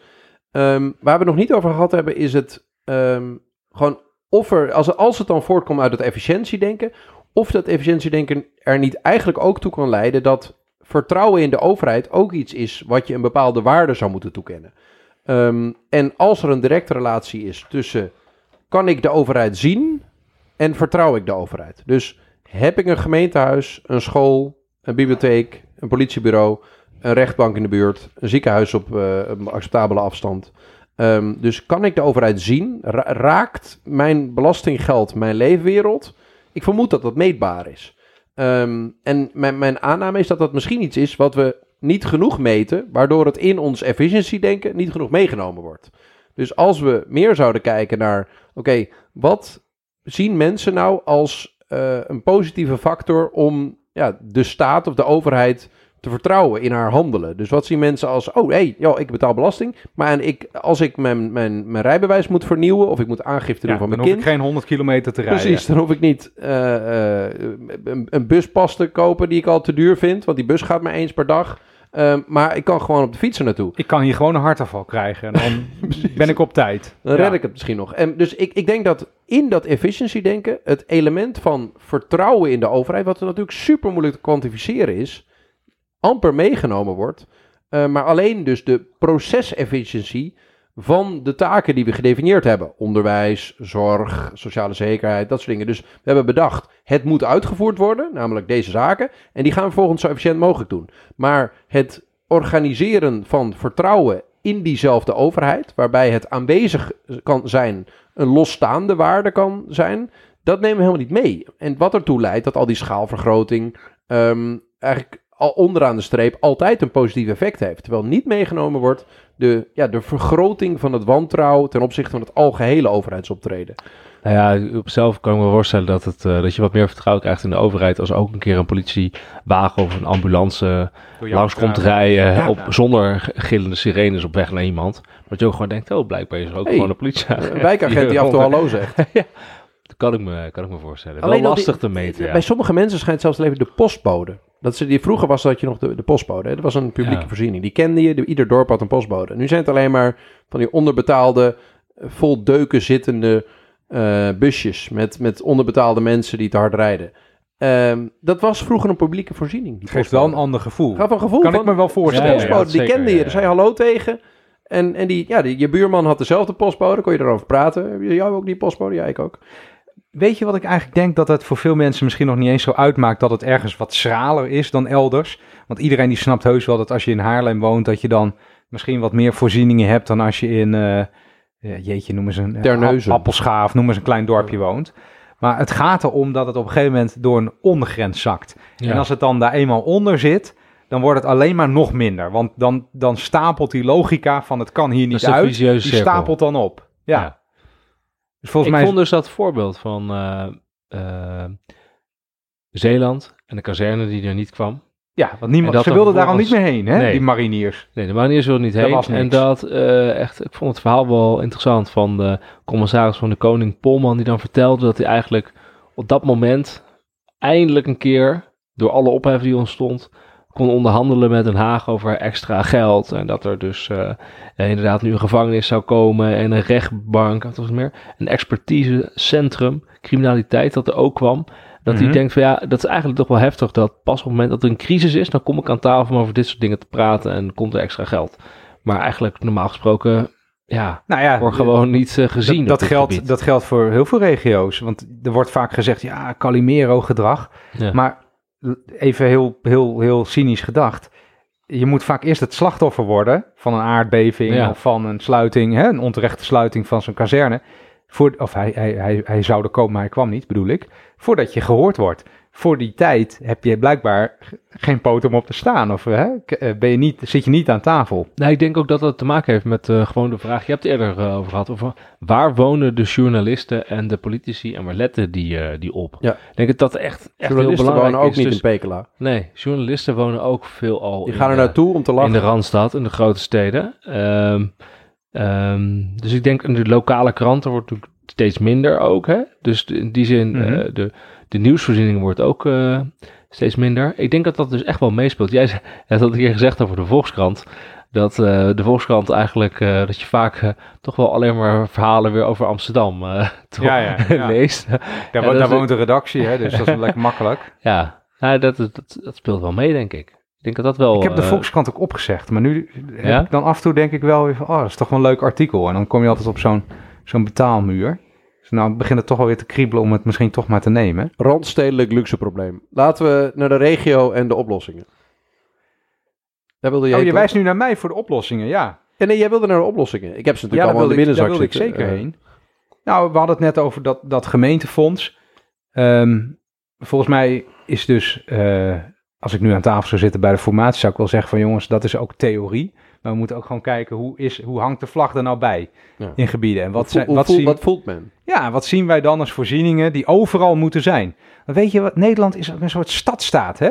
Als, als je in China eh, zit en je kijkt naar Nederland, dan denk je, oh, dat is een soort... eh, een soort stad. één stad met, met een heel klein randje platteland eh eromheen. Terwijl als je in Den Haag zit, dan, dan, dan kijk je naar het Ja. oosten en dan denk je, oh, dat is ver. Dat kan nou helemaal niet twee uit, uur rijden? Wonen daar nog mensen? rijden. Ja, Ja, het gaat nergens over. Ja, nee, dat gaat nergens over. Ik bedoel, eh, de regio in Italië of in Frankrijk, dat is pas regio. Weet Ja, je, dat is echt ja. gewoon de... De hak van Gewoon- Italië, daar is echt helemaal geen reet. Nee, dat, is, dat is 100 uur rijden vanuit Rome. Ja. Over, een, over een rotsachtig karrepad of zo. En Ja. volgens, volgens mij is dat, is dat een van de eh, ondergrenzen waar je niet doorheen moet zakken. Alles moet bereikbaar zijn. Want als je eenmaal de laatste buslijn eh, weghaalt, dan, ga- dan gaat een dorp gewoon dood, volgens mij. Ja, of dat je, je, hebt, je hoort wel eens van die verhalen dat er alleen, een- heel, heel eh, symbolisch, gaat alleen een bus weg. en die, komt niet, die bus die komt, niet meer, die komt niet meer terug. Die lijn, ik weet niet precies hoe dat zit, maar die bus die vertrekt alleen iedere ochtend. ja, dat lees je best wel vaak. Ik weet niet hoe dat zit bij de Fysiek- vervoersbedrijven. Fysiek erg lastig, alleen weggaan. Ja, dus dan moet je altijd met de auto weer opgehaald worden. maar in ieder geval, bereikbaarheid, een schooltje, een huisartsenpost. Als dat er niet meer is in gebieden, Maar ja, dan het is zo'n gebied gewoon collectieve voorzieningen. En ehm, nou, wat, wat, wat ik denk, nou ja, als we toch in oplossingen moeten denken. ehm, kijk, in de jaren tachtig heeft de overheid eh, Je best hoeft, wel. niet, je hoeft niet in oplossing te denken hoor. Rennie zei ook maar wat. Je hoeft niet naar hem te luisteren. Oh. het hoeft niet per se. Ik ben hou heel Maar- van structuur. Hè. We begonnen Nee, met ja. wat is het probleem? Nee, maar als Dan- we nou niet met oplossingen het? kunnen komen, dan is Dan? het gewoon irrelevant gelul over dingen waar je toch niks aan verandert. Precies, Bolhuis. Oké, Nu, rustig. Richting probeer gewoon een grapje te maken. Waar, we hebben al een uur, een uur niet gelachen. We zijn in Groningen, we lachen niet meer. Ja, Ja, Ik heb echt ik heb kapot gelachen. Ehm, maar, eh, oh ja, ik weet weer wat ik wil zeggen. Eh, nee, in de jaren tachtig zijn allerlei overheidsdiensten. Toen had de overheid ook dit probleem van... Ja. Ja. jemig, het gaat matig in al die eh randgebieden... want de industrie gaat allemaal dicht en de mijnen gaan dicht... en eh, we gaan geen veen meer stoken, weet ik veel. eh, we gaan weer gas meer eh, pompen. Heel veel banen verdwijnen. Ja. Eh, in, in Groningen, Friesland, eh Ja, toen gingen ze een beetje spreiden. Dus toen gingen ze allemaal diensten naar de hoeken van het land verplaatsen. Dus eh, weet ik veel, de, de IB-groep of de DUO ging naar Groningen, de RDW naar Veendam, CEB naar Leeuwarden, DJI naar Almelo, CBS naar Heerlen. Allemaal diensten naar ABP. ABP naar Heerlen. dus allemaal diensten naar de hoeken van het land. Dus toen was het Ja. echt een overheidsprobleem. Die dachten, weet je wat, we plaatsen die diensten erheen. Dan gaan de hoogopgeleide mensen er ook wonen. Die gaan de kinderen naar school sturen. Dan hebben ze goede scholen nodig.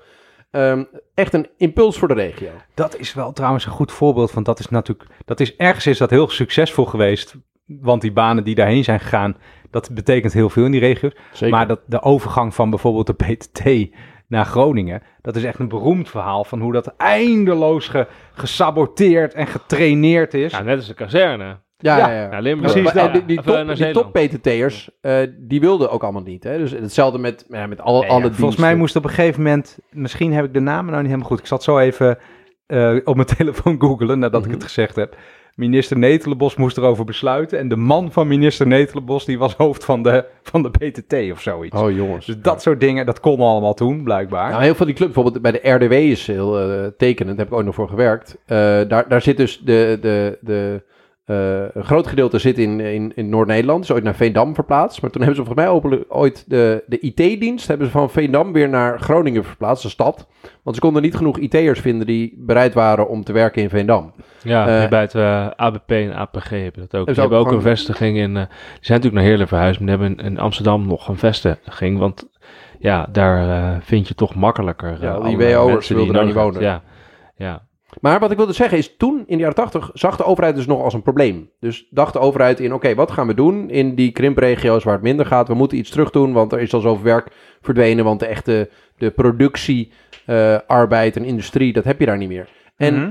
als je dus nu zegt dat je dit erg vindt, denk ik dat je als overheid best na kunt denken over, oké, wat voor ehm Maar dat is het voorzieningen- probleem. Alles is, alles is geprivatiseerd. Alles wat we erheen hebben ge- ge- ge- gedaan, hebben we geprivatiseerd. Dus wat kan je... Jij kan Ja, alle... ja, en je als, kan je, als je, Als je gewoon alle ministeries over het land gaat verdelen, denk ik, dat zou interessant zijn. Nee, nee, Dan ga je- nou ja, Het niet- beleid- Laten we- Nee, maar- Wouter, we gaan binnenlandse zaken gaan we nu in Heerlen zetten. Ik ben voor. Zullen we dat doen? Zullen we wat- alsjeblieft Groningen doen? Ik ga mee. Weet je wat het is? Lachend. Maar er, er werken iets van 10.000 mensen of zo bij het ministerie van Binnenlandse Zaken. Want het heeft zoveel clubjes eronder. Daarvan moet je toch een, een deel van dat soort banen. Er zitten nog een aantal in, bijvoorbeeld Doc Direct heeft nog een vestiging in Winschoten, kan ik je vertellen. Ja, nou, dat is toch Eh, briljant, Erg, niet? maar, maar ik maar een punt even afmaken. Dat als je dit belangrijk vindt, denk ik ook dat je er, ehm, dat heel veel van die overheidsorganisaties hebben nog allemaal eigen kantoortjes en bureautjes. Dat als je dit als probleem ziet, dan mag dat best efficiënt zijn, want eh, ook, je hebt ook recht op efficiënt uitgegeven belastingeuro's. Maar zorg dan in ieder geval dat die overheid in mijn ogen een gezicht heeft. Dus dat dat gemeentehuis, dat dat een plek is waar je naartoe kan, waar je geholpen wordt en wat bereikbaar is voor jou. Eh, dus dat er overal waar je maar zit, al zit je in, zo'n, zo'n, Ja. in, in eh, de Noordoostpolder of Zuidwest-Friesland of bij Delfzijl, maar dat een plek is waar je naartoe kan, waar jij het gevoel krijgt, en dat gaat echt om gevoel, dat je geholpen wordt. Dat er een soort balie is waar mensen je helpen om met je problemen, ook al gaan die over pensioenen, over belastingen, over sociale zekerheid, over je rijbewijs. Ehm, maar dat dus de complexiteit van die overheid, de complexiteit van alles wat erachter zit, dat het niet jouw probleem is, maar dat die overheid zich toegankelijk naar jou opstelt. Ik denk dat dat al een hele geste zou kunnen zijn. Dat jij dus binnenloopt en dat er iemand staat die zegt: Hoi, ik ga je helpen. Maar is dan niet gewoon een heel groot, eh, een driver hiervan, gewoon de digitalisering?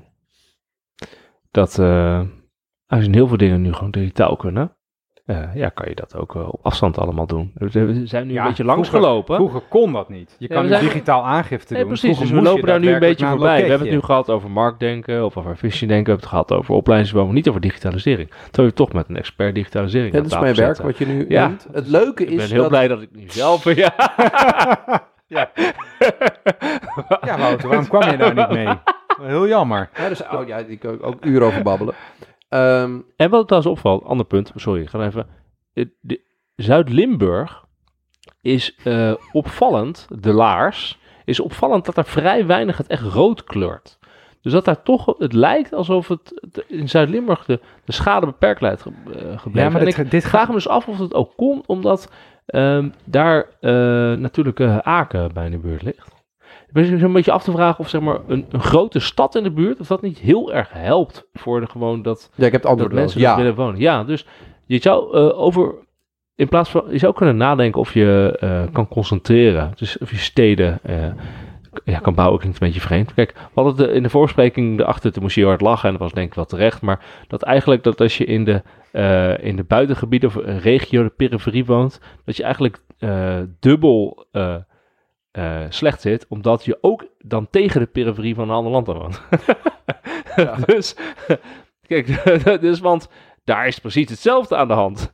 Eh, plus dat je In het dan oosten weet... speelt dat meer dan Ja, in het, het, oosten speelt ook, maar je weet dat, eh, dat zie je heel veel studies naar, dat landen ook lastige zaken zoals windmolens, kerncentrales, allemaal rotzooi, wordt altijd aan de zijkant van het land gezet, helemaal aan de, aan de buitengrenzen. Het andere land doet dat ook. En dan zit je daar en dan Je woont dan twee kanten. bij twee kerncentrales. Twee, twee kerncentrales in de buurt. En, en twee keer niet een grote stad. Aan allebei de kanten van de grens niet. Eh, dus je wordt, eh, er zit, dat is wel echt iets wat we nog even moeten bespreken. Ik moest even, Eh, even terugdenken aan het grapje. kan je dat- beter bij de zee wonen? Dat, dat, dat het natuurlijk ook een reden is dat dat de grens is. Dat dat het, ja, ja. het gebied is waar de veroveraars op waren gehouden met denken van dit wil ik hebben. Dat is- van, laat dit maar, daar mag de grens Ja, zijn. en ik dacht dat de, de redenering dat ook zeg maar tussen grenzen in het ook gevaarlijk was om allemaal dingen te gaan bouwen, want dat kon weer bevochten worden. Precies, Je kan beter alle, het waardevolle kan je beter een beetje op afstand van de grens zetten, want anders dan takeind van de kan grens. het kan om gevochten worden. Ja, precies. We gaan nu wel heel snel achter van- de dijk af. Van, van Nee, goed ja. geïnformeerd en op basis van data naar... Totaal Nee, maar dit was zeer goede theoretische... uit de nek theorie- lullen. Nee, want hier zat wel empirie en theorie onder. was best wel aardig eh, uitstapje. Oké, je wou even over de digitalisering. Mag je daar even op... eh, Nee, Oké, nee? Wou je naar de, wat, de grenzen? nee, ik wil nog steeds jouw eh, reactie hebben op eh mijn Het idee kan toch allemaal digitaal, Wouter? Alles kan toch gewoon digitaal? hoeft waarom, geen loketje te ja, hebben. waarom moet je nou eh, waarom moet je naar het loket gaan in jouw dorp om te praten over... Ik ben eh, over loket hoor, Eh, nee, ja, Oké, dus dus probeer schat- even Wouter wat Oh, ja. je hebt toch gewoon DigiD en je van- kan gewoon uh, mijnoverheid.nl, kun je alles regelen. Top website trouwens. Ehm, er zijn schattingen in Nederland van tussen de anderhalf en 2,5 miljoen mensen die eh, slecht lezend zijn. Ja. En rond de 2,5 miljoen mensen hebben last met bureaucratie. Dus 2,5 miljoen, hè? Dat, is, dat is echt een hele hoop eh, mensen. Nou, dat snap ik wel. Ehm, ja. En er zit een redelijk grote correlatie tussen mensen die minder goed kunnen lezen, minder goed met bureaucratie om kunnen gaan en ook nog eens minder digivaardig zijn. En de mensen die in die perifere gebieden komen. Dus Ja. het argument zeggen dat het allemaal digitaal kan, dat gaat heel goed op voor die mensen die toevallig ook nog eens de voorzieningen gemiddeld gezien heel dichtbij hebben. Die namelijk in die steden wonen en die handig zijn met alle digitale middelen die voorhanden zijn. Mhm. Ehm, dus dit is een beetje een soort een oplossing bieden. eh, die theoretisch heel leuk klinkt, maar eigenlijk voor andere groepen geldt. Eh, want de groepen die minder zijn met digitale middelen, dat zijn precies de groepen die hier het kwetsbaarst zijn. Waar ook nog eens de loketten gesloten zijn. Ehm, dus je zegt eigenlijk, we sluiten het loket bij u en u kunt het wel met uw smartphone doen. Oh, maar daar bent u niet zo handig mee. Dat is jammer dan. Leer dat dan maar. De school is ook weg. Doei. Eh, ik, Ja. ma- ik maak het even heel plat. Ehm, wa- waar ik dus wel voorstander voor ben, is je maakt het digitaal. En dat moet je zo simpel mogelijk doen en toegankelijk mogelijk doen en zo lees eh, begrijpelijk mogelijk doen voor mensen die minder eh, talig zijn. Dus niet in de complexe taal waar de overheid soms in praat. Ehm, maar je combineert dat met loketten, zoals Randy net zei, die eh, simpel zijn, waar je terecht kan, waar je welkom voelt, waar, je, waar dingen duidelijk zijn voor jou. Ehm, eh, maar dus ik denk dat digitalisering een oplossing is voor de, laten we zeggen, 75% van de mensen die daar eh, zijn leven makkelijker door eh, ziet worden. Ehm, maar voor een groot gedeelte die kwetsbaar is en die ook het slachtoffer is van afnemende voorzieningen, Mhm. is het niet per se een oplossing, ehm, eh, maar een soort schijnoplossing. Ik snap ook nooit zo goed dat het nou zo ingewikkeld is om, zoveel, om een paar loketjes te hebben. Want als je kijkt hoeveel loketten eh niet ingewikkeld, T-Mobile geld. heeft in De Nederland. redenering is altijd dat het geld kost. Dat zal altijd de redenering. Ja, maar wat levert het En- op? Ik denk dat, eh, dat heel veel, eh, wat nu de, de toeslagenaffaire is, Ja, dat had misschien ook wel weer voorkomen kunnen worden met, Zeker. met mensen die, die met hun papieren naar zo'n loket waren gegaan. Dat dan iemand zegt, oké, ik neem ze hier in ontvangst en ik stuur ze door Ja. naar de belastingdiensten. En dan via hè, gewoon overheids, overheidskanalen. Eh, aan de andere kant kan ik me ook wel voorstellen dat als jij achter zo'n loket zit en er komt dan iemand met zo'n toeslagendossier op jou af, dat je dan ook niet weet wat je moet doen. Maar dan, dan ontdek je als overheid, wat wij hier doen, dat is zo complex. Niemand kan dat meer overzien Ja, het- en of het, het oplossen. lastige daarin is dat een, een website is heel makkelijk om... Ik, ik, ben, ik zit zelf in de digitaliserende IT en ik ben er de hele dag mee bezig. Ik vind het een fantastisch iets voor mensen die minder gedonder in hun leven willen. Belastingaangifte doen niet in vier complexe formulieren waar je twee werkdagen mee bezig bent, maar in eh, een kwartiertje, een paar klikjes doen en gegevens checken die al voor ingevuld zijn. Dat is briljant. Dat is echt het, hoeveel tijd dat in mensen hun leven heeft opgeleverd, dat is fantastisch. Maar je moet niet eh, eh, onderschatten hoe de functie van een website die onpersoonlijk is, die geen gezicht heeft, die, waarbij je niet de precieze vraag wil, kunt stellen die jij op dat moment wil stellen, dat dat ook een versterkende factor kan zijn voor het wantrouwen dat iemand toch al in die overheid heeft. Want als het je de overheid het voelt niet als snapt, een onbereikbare overheid Precies. dan. Ja. Dat Ik, klopt, ik heb nog wel een ander eh, oplossingsdingetje noemen. Volgens mij is, is het belangrijk dat Neder- Nederland is een rijk land. Maar Nederland is een rijk land dat zich gedraagt als een arm land. Wij denken bij heel veel dingen, oh, maar dat kunnen we niet betalen. Hè, dus zo'n loket, dat kost geld. Ja, natuurlijk kost het geld, alles kost geld. Maar ja, we zijn ook niet eh, Namibië of zo. Hè? Wij kunnen best... Is dat een land? Ja, hè? Ja, zo'n land. Wij kunnen best, eh, wij kunnen best een politiebureau betalen, volgens mij, Ja. in dat soort Het gebieden. een kwestie van willen. Ja, dat is gewoon een kwestie van willen. En dat dat, dat geld kost, dat is, dat, eh, dat, ik val in herhaling, dat is zo, maar dat betekent nog niet dat je het niet moet doen. Want het levert ook wat op. Ehm, en bovendien, eh, het kost ook geld om allemaal dingen heel dicht op elkaar in de Randstad te proppen. Hè? Want een weg bouwen of eh, iets, wat dan ook bouwen in een gebied wat al heel erg overbevolkt is, dat kost natuurlijk veel meer dan, dan een weg ergens in Drenthe eh, bouwen. Volgens mij is dat, is dat common sense. En oh, dat doen alsof je arm bent, dat zit ook op dat gemeentelijk niveau. Dus als er nou ergens één bestuurslaag is die heel efficiënt kleine investeringen kan doen, die het leven heel veel aangenamer maken, dan is het volgens mij de gemeente. Maar die, die, hebben, nu al, die hebben nu al minstens nou, 15 jaar zitten die op een, eh, op een houtje te bijten. Geef die nou eens gewoon een keer voldoende geld om de taken te doen die ze moeten doen. En ik denk dat je dan ook gaat zien dat die gemeentes die, eh, die nu een beetje aan het verschralen zijn, dat die dan allemaal dingen gaan bedenken om een bibliotheek tegen heel weinig geld open te houden. Behalve met vrijwilligers, weet ik veel. Om een zwembad open te houden, om het daar een beetje leefbaar te houden. Ik denk dat we niet moeten onderschatten dat eh, gemeenten hebben ook steeds minder ruimte gekregen om te investeren. Door Ja. onder andere het doorvertalen van Europese begrotingsregels eh, van het Rijk naar provincie naar gemeente. Vroeger was daar veel meer eh, Ja, en, en, ruimte voor. en Eh, economische wet is ook dat als je meer onzekerheid hebt, dat je minder gaat investeren. En gemeentes hebben ook, ervaren ook meer onzekerheid doordat die Ja. inkomsten op bijvoorbeeld gemeentefonds of andere decent- gedecentraliseerde voorzieningen, dat die redelijk geschommeld hebben de laatste jaren. Ja. En we hadden nog dat een is dus lezers- onzekerheid. een lezer, of sorry, een Twitter-vraag van, was Sebastian van Vliet? Die zei van, hey, Oud eh, gast in de podcast. oud gast in de podcast. eh, kunnen jullie even praten over eh, meer belastingmiddelen voor gemeenten? Ja, Ja. Nou, dat is wel een leuk Dat is een onderwerp. interessant onderwerp. Want eigenlijk gemeenten kunnen eigenlijk we kunnen een aantal belastingen heffen. Maar het belangrijkste is natuurlijk gewoon de, de OZB. Dus de belasting op onroerende zaken, op eh huizen. Huisjes. Ehm, die kunnen ze nog wel heffen. Ehm, eh, en, dat is ook, maar, en dat is ook duidelijk het meeste wat ze binnenkrijgen. Maar dat is nog steeds heel, heel erg beperkt. Voor hebben toeristenbelasting, hondenbelasting. allemaal peanuts, hè? Allemaal Ja. peanuts, echt peanuts. Ik bedoel, van, we schrikken er allemaal parkeergeld. Allemaal Dus niet het zijn ook wel grote gemeentelijke discussies, maar qua budget is het echt heel beperkt. Het grootste gedeelte komt gewoon uit Den Haag. Dus je zou kunnen zeggen, hey, gemeenten zouden meer belasting moeten kunnen heffen. Ja, en de OZB, die enige grote belasting die ze dan wel hebben, die is een beetje verneukeratief. In de zin dat inkomensbelasting, die verdwijnt gewoon naar het Rijk en dat zie je niet. Maar OZB krijg je jaarlijks een rekening, die moet je dan betalen. En dan denk je, ah, die klote gemeente, eh, Ja, De hoog WOZ OZB. weer eh, hoog ingeschat. Ja. Wist je dat de lokale belastingen eh, in Nederland ongeveer 10% van de gemeentelijke inkomsten zijn? En dat dat in, eh, internationaal gebied eigenlijk, internationale vergelijking eigenlijk best wel heel erg laag is. Ja. Eh, en, maar mensen die hebben dus het gevoel dat de gemeentelijke belastingen een veel groter aandeel is van de totale belasting die ze betalen. Ja. Omdat ze die elk jaar zien. Ja. die krijgen gewoon een factuur. je moet het betalen. En dan hebben we die OZB weer. Eh, en alles wat een beetje achter de rug om eh, niet zichtbaar via werkgevers zo afgedragen wordt. Ja, iedere keer Dat, jij een eh, aardappel koopt bij de supermarkt, dan gaat de er 20% eh, naar de ja, precies. En de BTW en alles wat via de.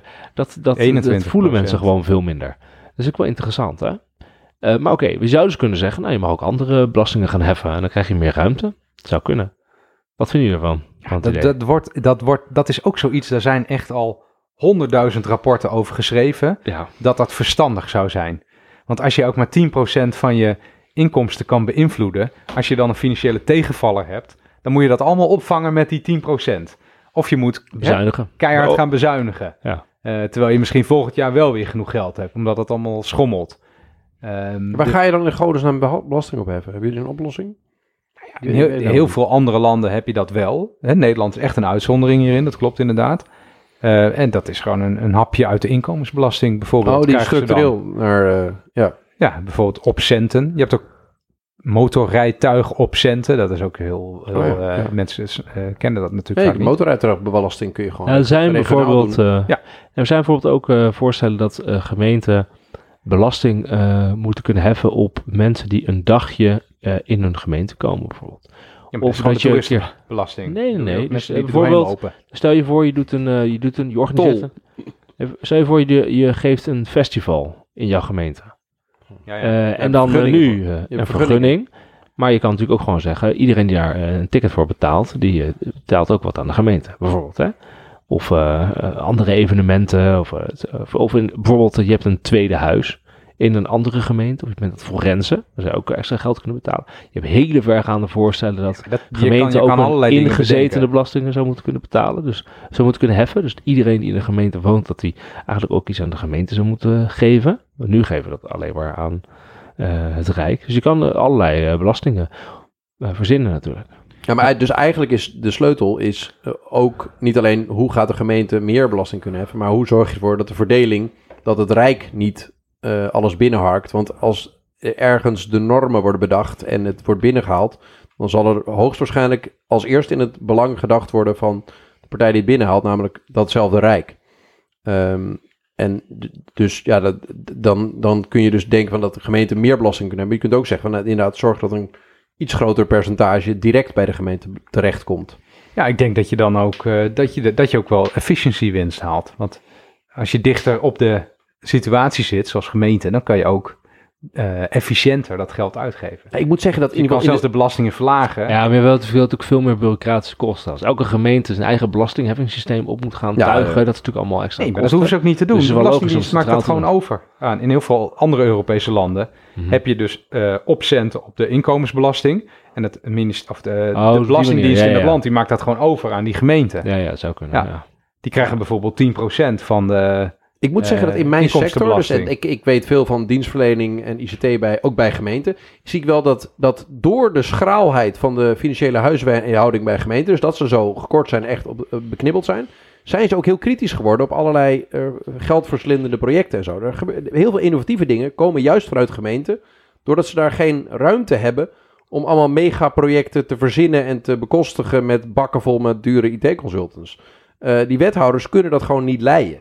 Ehm, en Nee. daardoor zie je dat... Er- zie je overigens dat de investeringsuitgaven van gemeenten echt teruggelopen zijn de afgelopen tien jaar. Ja, dat hebben ze. in, in grotere projecten, omdat ze het teruggeschroefd hebben. Dus aan de ene kant worden ze innovatief, aan de andere kant, eh, ja, je zou ook eh, kunnen denken, dit is gewoon een grapje, aan een eh rijkfonds. Dus je hebt nu een gemeentefonds en een provinciefonds. Je zou kunnen zeggen, weet je wat, eh, eh, misschien moeten de provincies en de gemeenten een keer gaan bepalen hoeveel ze eigenlijk kwijt willen zijn aan het Rijk.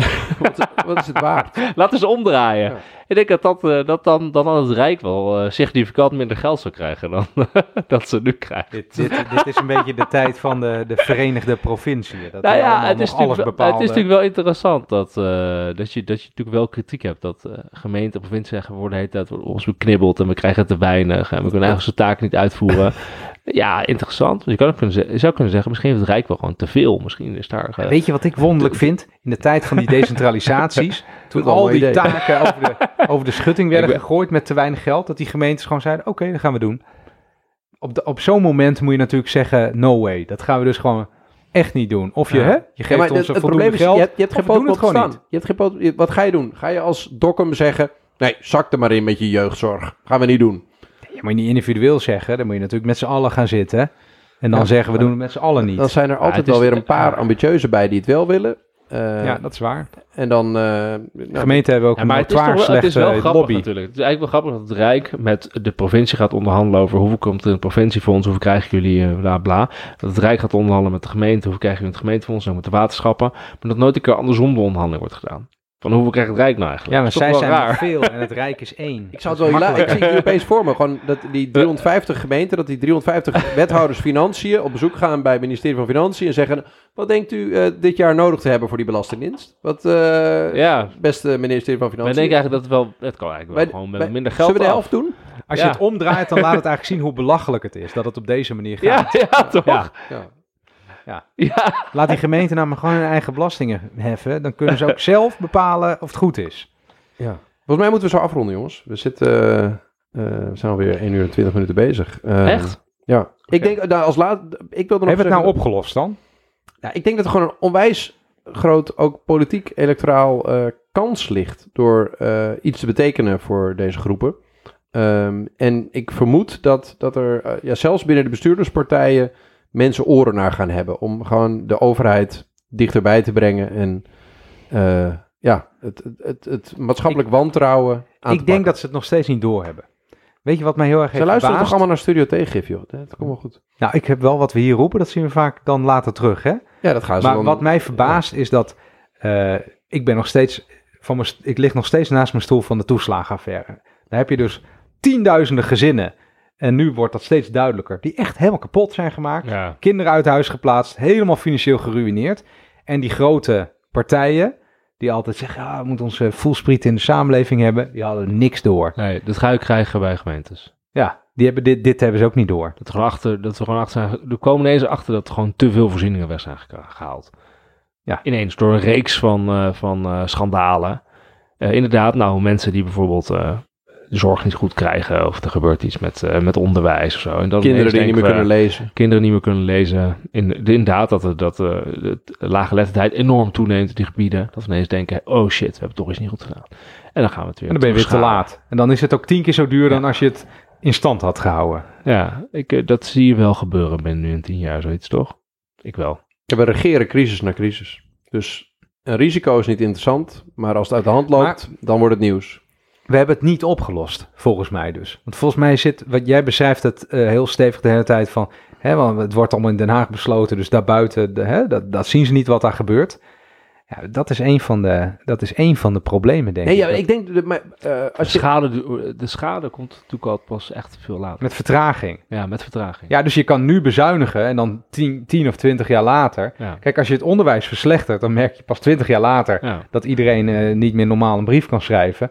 En nog twintig jaar later is de gaat de economie naar de kloten, omdat mensen niet meer eh, eh, normaal ja. zaken kunnen doen. Vuurderheffing. Eh, Ik kan dan een heel aantal dat soort dingen opnoemen. Dus Ja. vuurderheffing, of tien jaar later. Eerst levert het heel veel geld op en dan twintig jaar later heb je Hey, geen huizen. Problemen. Dan moet je tien jaar ben je bezig om het op te lossen. Er zijn er wel meer dingen. ja, al die decentralisaties. Gewoon, je- eerst, je, je, je sluit de hele boel, het wordt iets goedkoper. Ja. Tien jaar later gaan ze allemaal eh, Tien keer zo duur. eh, populistisch stemmen. Eh, en, en nog tien jaar later eh, wordt men wakker en gaat men wat aan doen. Ja, dat, eh, en, en ik denk dus, ik denk echt dat de sleutel zit in het idee van vertrouwen en wantrouwen in de staat. Dat het nu op zoveel vlakken eh, doorkomt. Was er de- deze week ook een onderzoek dat, dat Nederland afglijdt naar een soort low trust society. Ja. Je hebt high trust societies waar mensen gemiddeld gezien vertrouwen in de instituties. Dat Nederland dat echt in de, de afgelopen twee jaar radicaal gedaald is. Dat, dat zijn dezelfde groepen. Waar dat vertrouwen in de instituties van ons land sterk Ja. is afgenomen. Ehm, en als we dat niet als een collectief probleem gaan zien, dan hebben we echt een probleem. Wat vaak wordt geroepen als oplossing voor dat hè, bepaalde gebieden geen politieke vertegenwoordiging hebben, is bijvoorbeeld een districtenstelsel. Maar bijvoorbeeld in Groot-Brittannië heb je zo'n districtenstelsel en daar speelt precies hetzelfde. Dat je daar hele gebieden hebt die dan natuurlijk veel uitgestrekter zijn dan hier, eh, waar, waar die voorzieningen allemaal weg zijn. Dat is ook wel, het is wel een lastig probleem blijkbaar. Ja, ik denk het ook. Ik denk het ook. Oké, gaan we nog. eh, ja, wij gaan nog even genieten van de avond in eh, de provincie. In Groningen. In Groningen, bij Ja. Thuis. Bij de podcast. De podcast!